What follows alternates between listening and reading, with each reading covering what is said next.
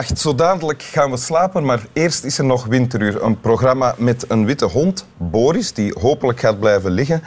Een presentator, een fenomeen dat je meer en meer ziet opduiken in uh, tv-programma's. Fenomeen presentator, daarover heb ik het. En dat werkt blijkbaar. De mensen uh, uh, kikken daarop, op het feit dat er gepresenteerd wordt. Dus blijven we dat doen, ter wille van de kijkertjes thuis. En, behalve een hond en een presentator natuurlijk, het centrale figuur van Winteruur, de gast.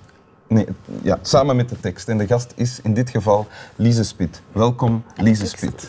Met Hallo, een tekst, ja. Met de tekst. Hallo, Lise Spit is, voor wie het niet weet, maar waarschijnlijk weet iedereen het al, de schrijfster van uh, Het Smelt. Je hebt ook wel andere dingen geschreven voordien, maar dat is je eerste... Mijn eerste roman, ja. ja. Een debuut dat geslaagd genoemd mag worden, denk ik. Ja, ik denk het wel. 80.000 keer verkocht.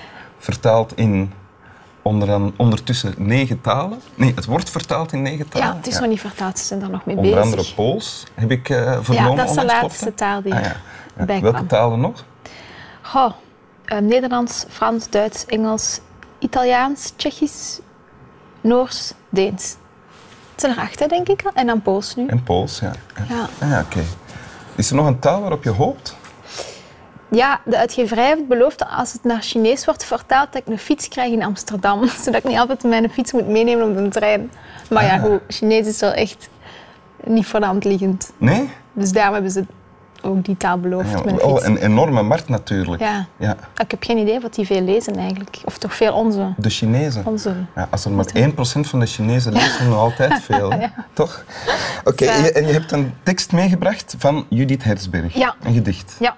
Oké, wil je het voorlezen? Ja, zeker. Of wil je er nog iets over vertellen eerst? Ja, ik vind het niet zo gemakkelijk om poëzie voor te lezen van iemand anders. Omdat ik altijd het gevoel heb dat ik het dan verkeerd lees. Omdat je dat als dichter toch wel heel specifiek bedoelt. Ja. En dat ook zelf voorleest als dichter. Dus... Maar dat ik ga zou mijn het geval kunnen zijn. Dus laat ons hopen dat Judith Hersberg zelf niet kijkt of dit Ja. nooit te zien krijgt. Inderdaad. Want anders gaat ze jou bestoken. Anders bijvoorbeeld, sorry Judith Hertzberg. Ja, ook namens mij. Nou, ehm, het heeft de titel Botshol. Botshol. Botshol. Is dat iets, een botshol?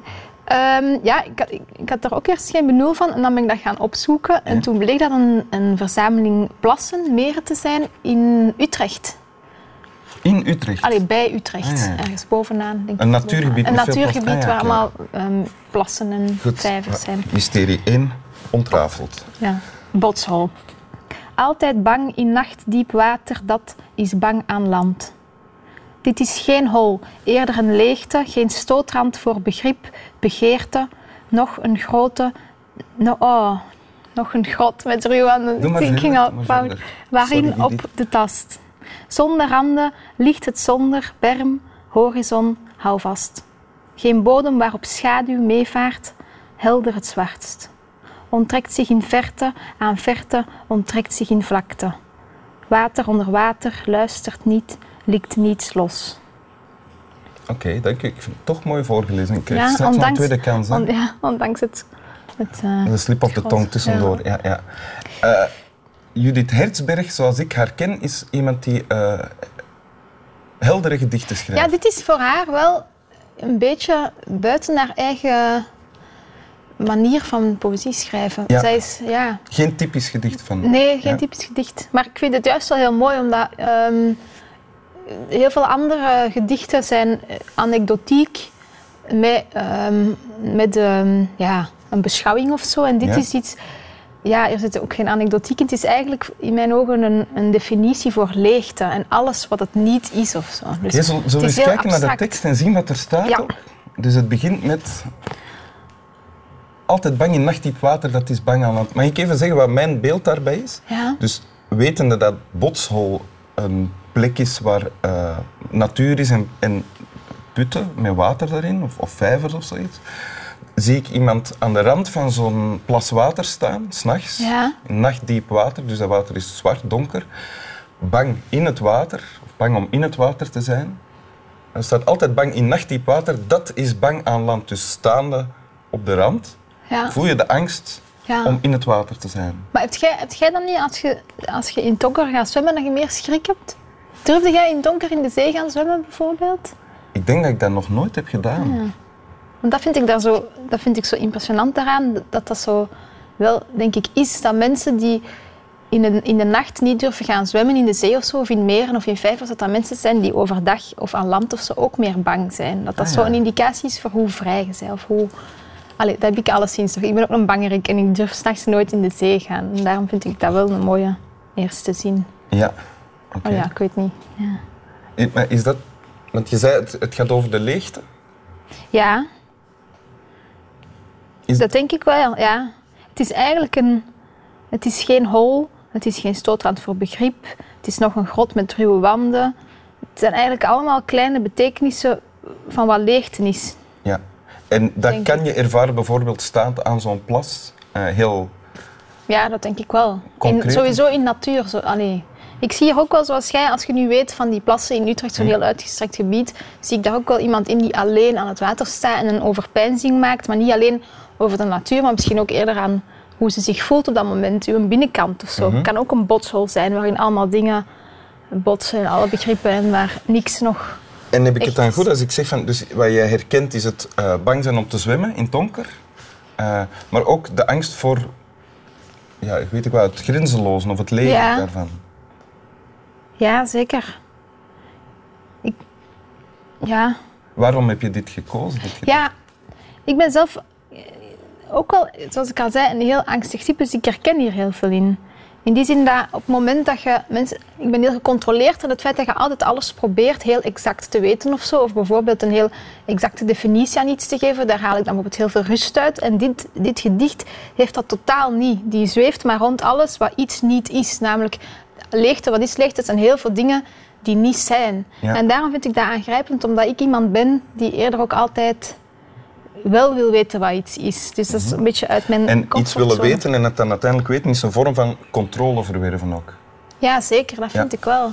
Om, ja, bijvoorbeeld schrijven is bijvoorbeeld ook zo voor mij dan. Ik, ik schrijf wel juist heel concreet. Dus in die zin, maar normaal schrijft Judith Herzberg ook juist heel concreet. En ik haal er altijd een heel grote geruststelling uit. Als ik die gedichten lees, vind ik dat altijd zo een geruststelling van je kunt ook gewoon dingen schrijven zoals ze zijn, een anekdotiek. En het mag ook gewoon zoals van de mensen zijn en Ja. hoe wij allemaal zijn. Maar dit gedicht is juist heel anders en daarom past het ook juist bij die leegte die het probeert te omschrijven. Ja. En, en het is verontrustend of zo dan. Ja, dat verontrustend vind ik misschien een beetje, omdat je gewoon geen... Wat, wat is het effect op jou? Als je dit dan leest, is er dan herkenning en vind je daar troost in? Of Ja, eigenlijk wel. Om, omdat het zo... Ja, dat is moeilijk uit te leggen. Omdat het, omdat het mij misschien wel confronteert met iets dat ik juist wel altijd probeer. Namelijk exact iets in een beeld te vatten of zo. Terwijl dit is, zijn eigenlijk allemaal beelden van iets dat het dan niet is. Of zo. Ah, Terwijl ik meestal zoek naar het beeld van wat iets wel is juist. En ja, ik weet dat... Ik had dat als kind heel erg of nu nog altijd. Soms kan ik dat wel hebben van die momenten ehm, dat ik in bed lig. En ik weet niet of je dat ooit al eens hebt geprobeerd ook, In maar, ja, dan, maar als je je ogen dicht doet, dan zie je eigenlijk totaal niet meer wat nu het verschil is tussen de, het zwart van je oogleden aan de binnenkant en het donker van de kamer. Mhm. En ik heb soms in bed, zelfs nu nog, maar ik had dat vroeger ook, dat ik dan probeerde voor mezelf te zeggen hoe ver dat, dat ooglid dan van mij af was. En dat lukte mij dan natuurlijk niet, want je kunt dat niet. Dat, is niet, dat, dat klinkt nu heel belachelijk natuurlijk. hoe ver dat, dat van je af Dus als je bedoel- je ogen dicht doet, Ja. dan probeer ik zo te zien waar, de, waar mijn ooglid lag in die donkerte. Maar je kunt dat natuurlijk niet zien, want het is donker als je je oog dicht doet. En ik werd daar zo gefrustreerd van dat ik op een duur heel angstig werd en dan terug opstond en het licht moest aandoen en niet durfde gaan slapen. Omdat ik elke keer als ik die ogen opnieuw dicht deed, dat ik terug die definitie wou van waar ligt dat. Allee, eigenlijk op Ah, zoek was naar heb een je daar heel al ooit concreet... een, een gedicht of een tekst over geschreven, over wat je nu vertelt? Ja, ik heb ooit al een gedicht geschreven. ehm, en ja, ik heb er ooit een gedicht over geschreven, maar ik ken het ook niet meer van buiten. Ik weet, het is echt al lang geleden. Ja. Maar ehm, ja, Ik heb nog, nou, wat, wat ik ook denk, als ik me dan voorstel, je staat daar aan het water s'nachts en je voelt angst. Angst om in het water te zijn, omdat je niet weet hoe diep dat, dat is. Of, maar tegelijkertijd is, er, is het ook aantrekkelijk. ja dat, om, omdat het mysterieus is ook ergens. Hè, zo, water en plassen en hoe diep, je wilt toch altijd weten. Maar ja, dan ben ik weer op zoek naar de exacte informatie. Maar hoe diep dat zoiets is en wat er dan in zit en welke soort vissen en dieren. En, En, staand ja. op de kant, als je dat voorstelt, dan kun je alleen maar grenzeloosheid voorstellen. Ja, Eh, en dat is beangstigend. Ja, ik, En aantrekkelijk. beide. Ja, Ja. ik weet niet, wat vind jij? Ja, het is toch... Ik heb Ja. er nog nooit... Ik, heb er, ik kan het mij alleen maar voorstellen, want ik heb er nu eigenlijk... Dat is mij nog niet overkomen, tot nu toe. Ah ja. Nog nooit aan een vijver gestaan en getwijfeld, zou ik er nu inspringen? Jawel, maar nooit s'nachts. Dat Ah, is- ja. nee, ja. Ik was dan s'nachts altijd ergens anders dan bij die plas. Kan gebeuren. Wil je het nog eens voorlezen? Ja, zeker. Nu ga ik het proberen zonder eh, foutje te Oké, doen. of als je een foutje maakt op een andere plaats in het gedicht. Ja, En dan met de twee anders- samen. Anders lijkt het echt te wijzen op een soort van complex dat ik heb met het woord grot, volgens Ja. mij. Dus dat ga ik niet doen. Wat misschien het geval is, maar niet kunnen. noodzakelijk publiekelijk gemaakt moet worden. Ja. Botsvol. Altijd bang in nachtdiep water, dat is bang aan land. Dit is geen hol, eerder een leegte, geen stootrand voor begrip, begeerte, nog een grot met ruwe wanden, waarin op de tast. Zonder randen ligt het zonder, berm, horizon, hou vast. Geen bodem waarop schaduw meevaart, helder het zwartst. Onttrekt zich in verte aan verte, onttrekt zich in vlakte, water onder water, luistert niet, likt niets los. Mooi hè? ja, heel mooi. Dank u. Zeggen we slap wel? Dat gaan we zeggen. Slap wel. Slaapt wel iedereen.